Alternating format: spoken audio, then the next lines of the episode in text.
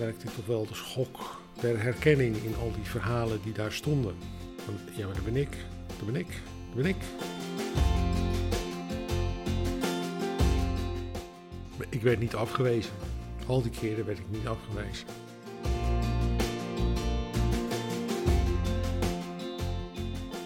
Welkom bij de Rotterdamse Rainbow Stories. Verhalen met vele kleuren van de regenbooggemeenschap. Sommige verhalen zijn vrolijk en luchtig, andere verhalen zijn wat zwaarder, zoals elke kleur van de regenboog ook anders is. Ik ben Iris. En ik ben Arjan. En wij wensen je veel luisterplezier. Ik ben uh, Gretchen van Veen. Uh, ja, ik ben hier omdat Iris mij gevraagd heeft om een interview te doen. Um, ja, dat klopt. Ik heb je gevraagd voor, uh, voor een interview, voor de podcast. En uh, jij bent uh, betrokken bij de COC. Kan je vertellen wat, je, wat je rol hier is? Ik ben vrijwilliger bij het Transcafé. dat is een van de werkgroepen van het COC Rotterdam-Rijnmond. Alleen ja, we hebben al heel lang geen Transcafé meer gehad. Tenminste, niet fysiek. Normaal deed ik namelijk eigenlijk altijd koken. Een heerlijke, vaak wat exotische maaltijd.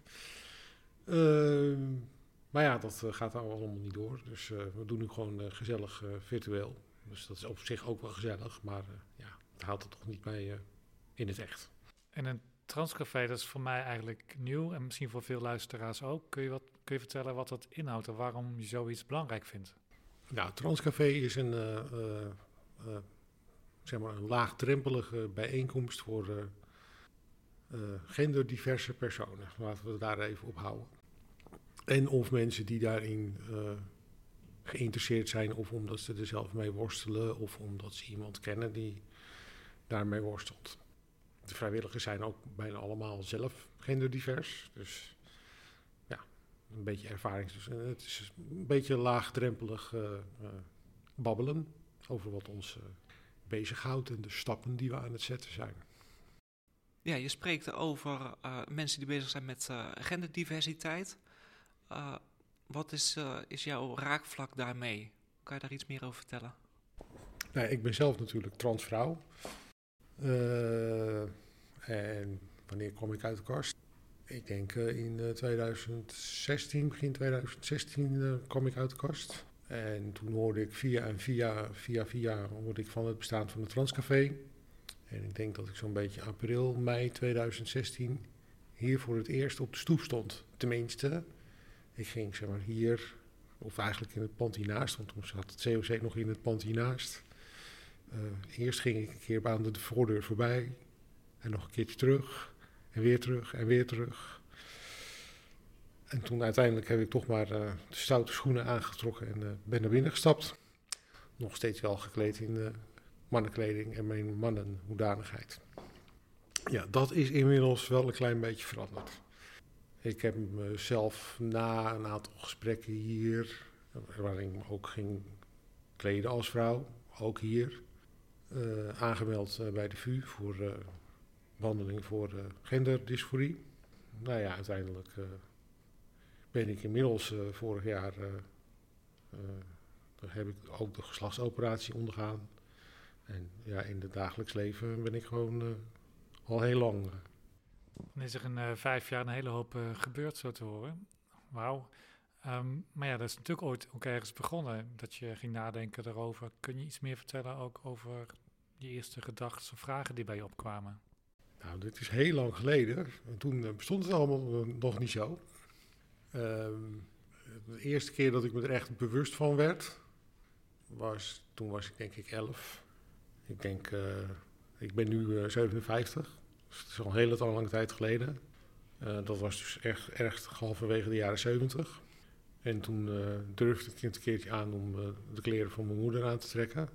Niet omdat ik dat dan opwinde, maar ja, om te kijken hoe dat voelt. En dat voelde eigenlijk ja, heel prettig. Ja, ik las ook verhalen over uh, transseksuelen in die tijd, want zo werd dat nog genoemd. Ja, dat paste niet helemaal. sowieso werd je maatschappelijk een klein beetje uitgekotst, want je was natuurlijk gewoon gek als dat zo was.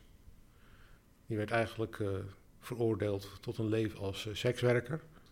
En dan moest je bovendien als transvrouw zijn, moest je natuurlijk eigenlijk ook nog een keer op mannen vallen. En dat wist ik toen al wel. Dat, dat deed ik niet. Ik viel gewoon op vrouwen. Dus dat paste niet helemaal. Maar bovenal wilde ik mijn middelbare schooltijd, die op dat moment zou gaan beginnen, niet weer gepest worden. Want ik was al, zeg maar, mijn hele basisschooltijd, was ik een slachtoffer van, uh, van pesten. En waar dat allemaal lag, uh, ja, ja, misschien dat het er ook iets mee te maken heeft. Maar zeker weten doe ik dat niet. Dus koos ik er toen eigenlijk voor om uh, dat verlangen maar te begraven, heel diep te begraven. Zo diep dat ik mezelf ook nauwelijks meer van bewust was. Maar ja, uiteindelijk in een uh, psychische crisis ga je zelf graven en graven en graven en graven. Ja, en toen kwam dit draadje toch uh, naar boven, zeg maar. En daarvoor had ik natuurlijk ook wel um, best wel het een en ander gedaan, maar het was allemaal een beetje. dat kon ik allemaal wegrationaliseren. Van het is een fetish, het is dit, het is, het is het verlangen naar een vrouw dus die je niet hebt, maar dan word je zelf maar één. Doe je maar even alsof. Maar ja, dat was het allemaal niet. En kun je voorbeelden geven dan daarvan? Nou ja, ik heb gewoon bij de Weekamp destijds uh, gewoon uh, massa's uh, vrouwenkleren gekocht en die droeg ik dan thuis. Maar ja, zodra er weer een relatie in beeld kwam, ging alles weer weg. En als dat dan weer uitging, dan kwam het weer terug. Dus ja, dat was het natuurlijk al heel lang. En de naam Gretchen heb ik ook al heel lang. Die heb ik denk ik al sinds eind uh, jaren negentig online aangenomen. In uh, diverse online spelletjes die ik speelde, ook zo'n soort vluchtmechanisme. ja, roleplaying games. Ik speelde altijd een vrouwenkarakter. En dat zei wel, ja nee, als ik toch de hele dag naar het scherm moet dan kijk ik liever naar een aantrekkelijk uitziende vrouw. Ja, dus het heeft heel lang heeft het af en aan heeft het een rol gespeeld in je leven. En op een bepaald moment was daar een periode, een dag, een moment dat je zei van... Ja, nu gaan we iets anders doen. Hoe, uh, hoe was dat voor jou? Hoe kwam dat ongeveer? nou, dat was best een heftig moment. Ehm, nou, ik stond op dat moment ook onder behandeling van een psychiater. Want zat op dat moment ook in een depressie met een angststoornis erbij ongeveer. En ik wilde dat onderwerp transseksualiteit, transgenderisme, transgender zijn. Dat wilde ik eigenlijk niet. Uh, uh, dat wilde ik eigenlijk nog niet zo aanstippen in uh, die sessies. Want dat is, mijn, dat is mijn geheim, zeg maar. Maar ja, uiteindelijk komt het er toch van. En de psychiater deed eigenlijk heel simpel van... Nou ja, misschien moet je dat gewoon zelf maar uitzoeken. Ik heb hier wat websites, daar kun je wat informatie over vinden en wat verhalen over lezen. Ja, doe er maar wat je, wat je goed vindt. En uh, zeg maar, de, een van die, van, de, van die sites was dan de VU. Nou, dat was toen nog eigenlijk even een brug te ver. Van uh, tegelijk medische ingrepen, operaties, de hele reut met uit. Maar er waren andere sites. En ja, toen merkte ik toch wel de schok der herkenning in al die verhalen die daar stonden. Van, ja, maar dat ben ik, dat ben ik, dat ben ik. Shit, precies hetzelfde. Dus ja, nou, die herkenning was uh, erg groot. En uh, ja, op een gegeven ogenblik uh, ja, moet je ook voor jezelf erkennen dat dat ook een van de redenen is dat ik natuurlijk zo best wel ongelukkig was, depressief zeg maar. Omdat ik dat heel lang gewoon ontkend heb wie ik was. En ook daarin, zeg maar, ja, ik verwaarloosde mezelf. Want ja, ik vond het niet waard om getoond te worden. Mezelf toonbaar te maken. Dat hoeft allemaal niet. En ja, toen ik dat dus andersom ging kijken. Toen ik me dacht van, ja, maar hoe zou het nou zijn als ik ga leven zoals ik eigenlijk ben, een vrouw?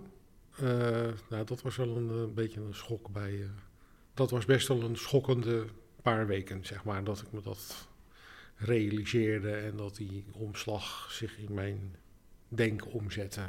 Waar dan ook nog bij kwam natuurlijk van, uh, ja god, hoe ga ik dat nou aan de buitenwereld vertellen? Wat ook toch niet zo makkelijk was.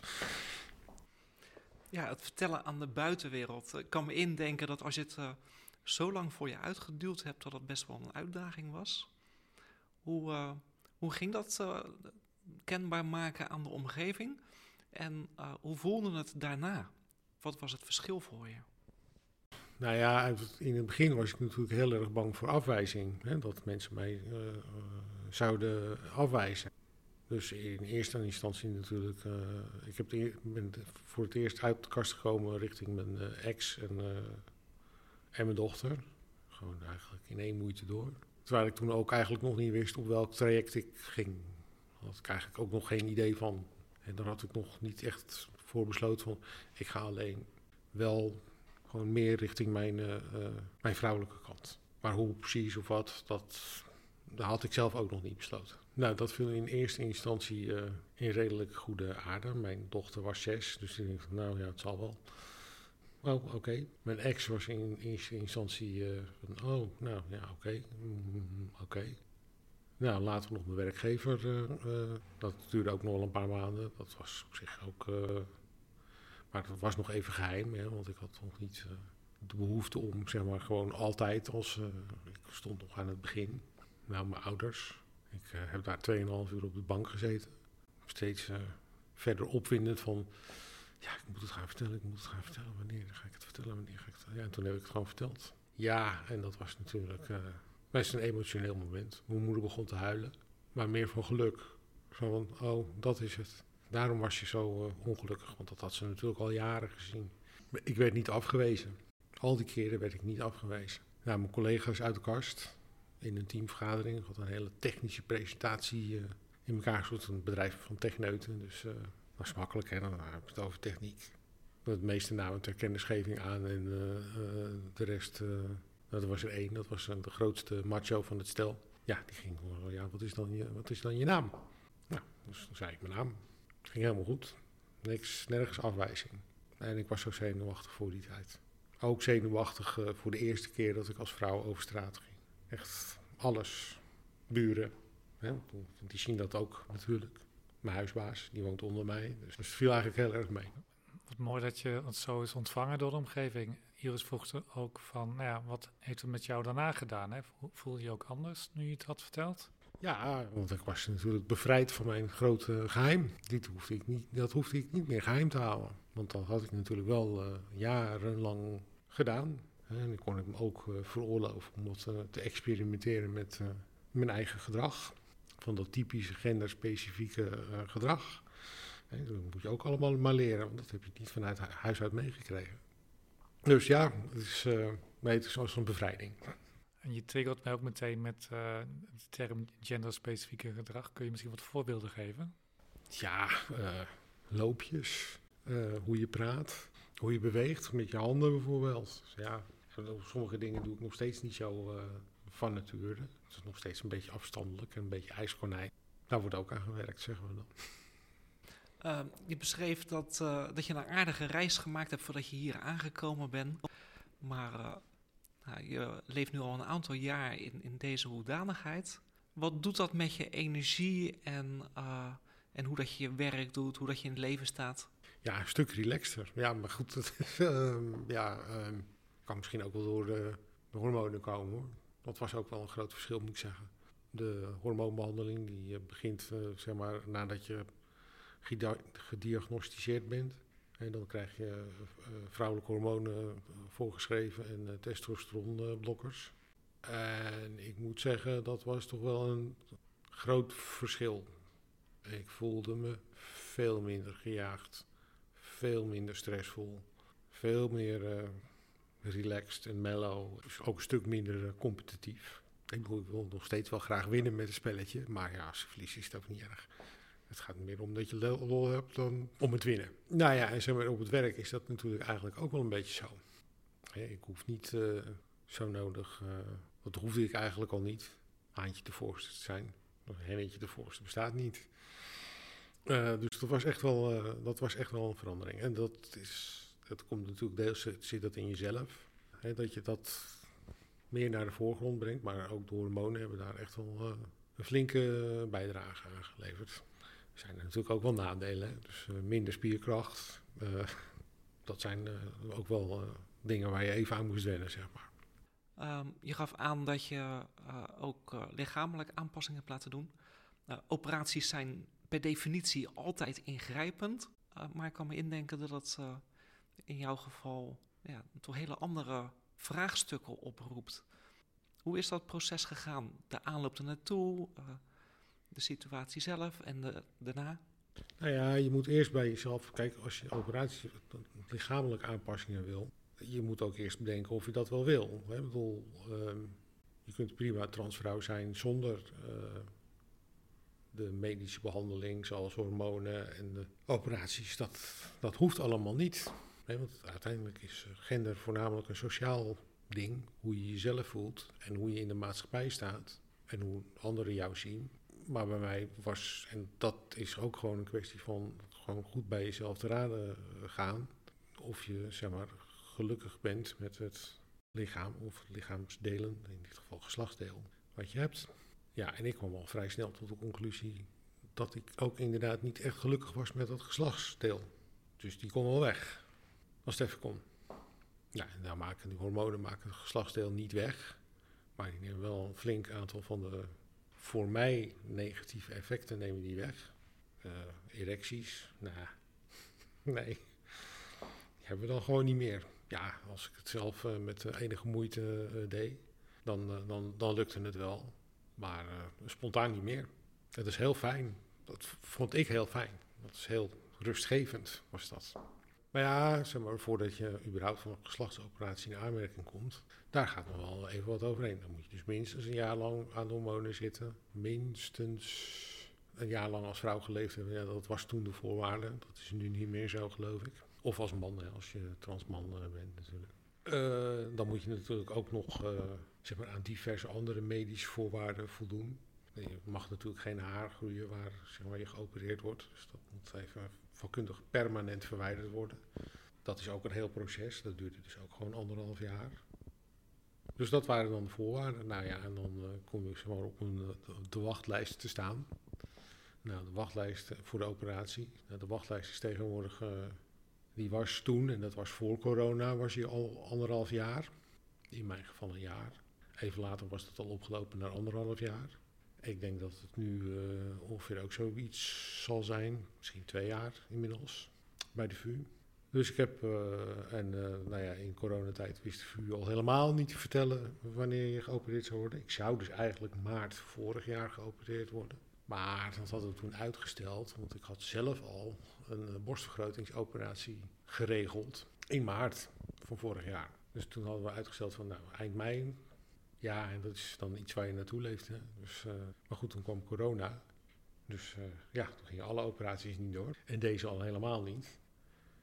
Maar in dezelfde tussentijd was er uh, had zich voor het eerst sinds tijden in Nederland een andere gelegenheid voorgedaan. Medische kliniek Velsen. Die deed ook, dokter Kanai, die doet ook geslachtsoperaties in Nederland. Dus daar ben ik toen naartoe gegaan. En daar kon ik dus eigenlijk tegelijk terecht. Je had geen wachtlijsten. Een aantal minuten geleden beschreef je dat je voor je collega's een vrij technische presentatie hebt gegeven. Maar hoe is het emotionele gedeelte geweest rondom uh, de operatie? Uh, twijfels, overtuigingen. Uh, dat, kan je daar nog een stukje over toelichten? Nou ja, zeg maar, ik wist natuurlijk wel heel zeker dat ik een, dat ik een operatie wilde. Dus dat, was, dat stond sowieso buiten kijf. Alleen de echte twijfel die ik nog had was, uh, ja, wil ik een, uh, wil ik een vagina, een echt vagina, of wil ik zeg maar alleen maar oppervlakkig? Want dat kan ook, hè. Uiteindelijk heb ik toch besloten voor een echte vagina. Gewoon omdat dat er beter uitziet. Technisch en qua verzorging is wat ingewikkelder. Maar ik wil gewoon eigenlijk wel een echte vagina. Dat is eigenlijk waar ik altijd van droomde. Dus eigenlijk, die twijfel was er niet zo. Ja, de week voor de operatie van, nou, zal ik nou wel doen? Zal ik nou wel zus? Zal ik nou zo? Ja, ik ben gek als je het niet doet. Zoveel twijfels had ik niet. dus die twijfels waren meer een beetje koudwatervrees. En ik had ook alles voorbereid, want ik zou bij mijn ouders een paar weken blijven. En dat ik iemand had om voor me te zorgen. Want de eerste week kan je eigenlijk nog niet zo heel veel. Nee, ik ligt eerst een week in het ziekenhuis en dan een weekje, twee weken thuis en dan kan je nog niet zoveel. Want het is net een klein beetje alsof het ontploft is daar. Niet anders dan een bevalling hoor, dus het valt allemaal wel mee. Maar goed, dus ja, dus dat had ik allemaal van tevoren geregeld. En mijn moeder ging steeds mee. En mijn moeder en mijn zus hebben me ook gebracht naar de kliniek. Dus dat was nog even een traantje pinken vooraf. Maar eigenlijk ging het uh, van een leien dakje. Ik lag daar gekruisigd op het uh, operatiebed. Ik kreeg verdoving. En uh, 4,5 uur later werd ik zeg maar wakker. En dan ging ik naar het ziekenhuisbed en keek naar beneden van... Oh, het is weg. Zo blij. Echt. Ja, zo blij. Zo blij als dat je wel zin had om weer een feestje te gaan vieren? Nou ja, behalve dan dat ik zeg maar flink aan de pijnstillers uh, zat natuurlijk. Dus uh, ja, nee, ja. Maar een mooi bruggetje naar het feestje wat we in Rotterdam gaan hebben... is natuurlijk het Eurovisie Songfestival in 2021. Nou, het Eurovisie heeft ook een paar keer een transvrouw zelfs gewonnen, hè, dus dat is heel mooi. Heb jij eigenlijk, wat voor herinneringen heb jij eigenlijk aan het Eurovisie? Nou, zeg maar, uh, volgens mij mijn eerste herinneringen zijn van uh, teaching. En de, de, eindeloze uitslagen, dat ik met natte haartjes op de bank de uitslagen zat te doezepen. Alleen de laatste tien jaar zitten er echt wel weer leuke liedjes tussen en wat meer variatie. Met. Maar ik ben geen echte avid fan of volger, moet ik zeggen. Ja, meestal is het in alle landen om Nederland heen. Nu voor het eerst in Nederland en in Rotterdam. Um, volgens mij ben jij een ras-echte Rotterdammer. Vertel. Ja, dat zei iemand uh, vandaag ook. Van, uh, je klinkt zo Rotterdams. Maar ik kom niet uit Rotterdam. nee. Ik kom oorspronkelijk uit Alkmaar. En ik heb zelfs ook nog acht jaar in 020 gewoond. Want daar heb ik gestudeerd. Ik woon nu eigenlijk, uh, denk ik, 13 jaar in Rotterdam. Ik heb het wel altijd een leuke stad gevonden, moet ik zeggen. En hoe is het om als transvrouw in Rotterdam te zijn? Heb je sommige plekken waar je heel prettig bij voelt? En sommige plekken dat je denkt van, hmm, daar loop ik liever een blokje om? Nee, helemaal niet. Ik woon in Rotterdam-West. Nou, dat is een van de meest uh, diverse buurten die je kunt uh, vinden, denk ik, in Rotterdam. En dat gaat eigenlijk heel goed. Het is echt gewoon geen onvertogen woord. Ja, natuurlijk. Er zijn wel eens hangjongeren die, uh, die wel naroepen. Maar ja, dat zijn opgeschoten knulletjes. Die lopen iedereen uh, na te hielen als ze niet zint. Dus uh, stik er maar in. En wat zijn de leukste plekken of uitgaansgelegenheden of dingen om te doen in Rotterdam? Wat, wat vind je hier gaaf? Ja, dat vind ik een beetje lastig. Nou, dat vind ik eigenlijk niet zo heel erg lastig. ik ga graag naar het theater. Schouwburgplein is genoeg te doen. Oude Luxor is natuurlijk hebben we nog echte discotheken en zo, ja, daar hou ik niet zo van. Ik hou niet zo heel erg van grote menigte. Dat vind ik een beetje ja, niet zo leuk, zeg maar. En los van het uitgaansleven, heb je nog specifieke leuke plekjes in Rotterdam of plekken waar je graag bent? Nee, sorry, ik woon uh, eigenlijk om de hoek van de Heemraadsingel. Dat vind ik een mooi stukje Rotterdam. Groen, een beetje water. Best wel relaxed eigenlijk. Ja, Euromarspark, vind ik ook uh, leuk. Ja, ik heb met mijn dochter uh, ben ik echt heel vaak naar Blijdorp geweest. Ik had gewoon een uh, abonnement. En ja, wij gingen dan gewoon naar de oude ingang, want dat was maar vijf minuten lopen bij mij vandaan. Dus ja. We vragen ook vaak of je nog tips of ideeën hebt over hoe de stad Rotterdam inclusiever kan zijn voor iedereen. Voor het LHBTQI-gemeenschap in het bijzonder. Heb je nog ideeën of tips? Ja, nou ja, zeg maar, het is uh, denk ik belangrijk om te blijven benadrukken dat we gewoon een deel zijn van de stad. We're there, we're here to stay, we won't go away. Ja, en verder is het ook eigenlijk best, uh, er zijn altijd haters. Dat is, uh, dat is iets wat, ja, dat blijft nou eenmaal een feit. Dus ja, nou ja, daar moet je dan een klein beetje tegen optreden. Maar je moet het ook niet uh, groter maken dan wat het is. Er zijn rare mensen die rare dingen doen. Maar vooral uh, laten zien dat we er zijn en dat, er, uh, dat wij gewoon een onderdeel, onderdeel zijn van het weefsel van de stad. Dat is eigenlijk het belangrijkste. Ja, laten zien dat we er zijn. Dat, dat doen we natuurlijk aan de lopende band en dat, dat blijven we doen. Goede tip. Enorm bedankt voor, voor al je reacties. Ik vond het erg leuk dat je er vandaag bij was. Ik kijk er naar uit om, uh, om je weer een keertje ergens anders tegen te komen met een een of ander feest of een dansje of whatever. Dankjewel. Ja, dankjewel Gretchen om je, je kennis te mogen maken en jouw uh, verhaal te horen. En ik hoop dat anderen die luisteren geïnspireerd raken door jouw kracht en mooie dingen die je hebt verteld. Ja, nee, dank jullie voor het interview en uh, nou ja, tot ziens. Dankjewel voor het luisteren naar de Rotterdamse Rainbow Stories. De Rainbow Stories zijn voor iedereen die er interesse in heeft En zeker voor wie bezig is met zijn, haar of diens identiteit. Deze verhalen zijn in aanloop naar het Eurovisie Songfestival verzameld door Arjan Beunen En Iris van der Graaf vanuit COC Rotterdam. Mocht je na het luisteren van de podcast vragen hebben over genderdiversiteit of seksuele oriëntatie, kijk dan op coc.nl of cocrotterdam.nl voor telefoonnummers en andere mogelijkheden voor contact. We helpen je graag. COC is een vrijwilligersorganisatie die opkomt voor de rechten en acceptatie van de regenbooggemeenschap. Wil je ook het COC steunen? Word dan lid, of word vrijwilliger, of doneer, of doe het allemaal. Kijk hiervoor op cocrotterdam.nl of op coc.nl voor een COC bij jou in de buurt.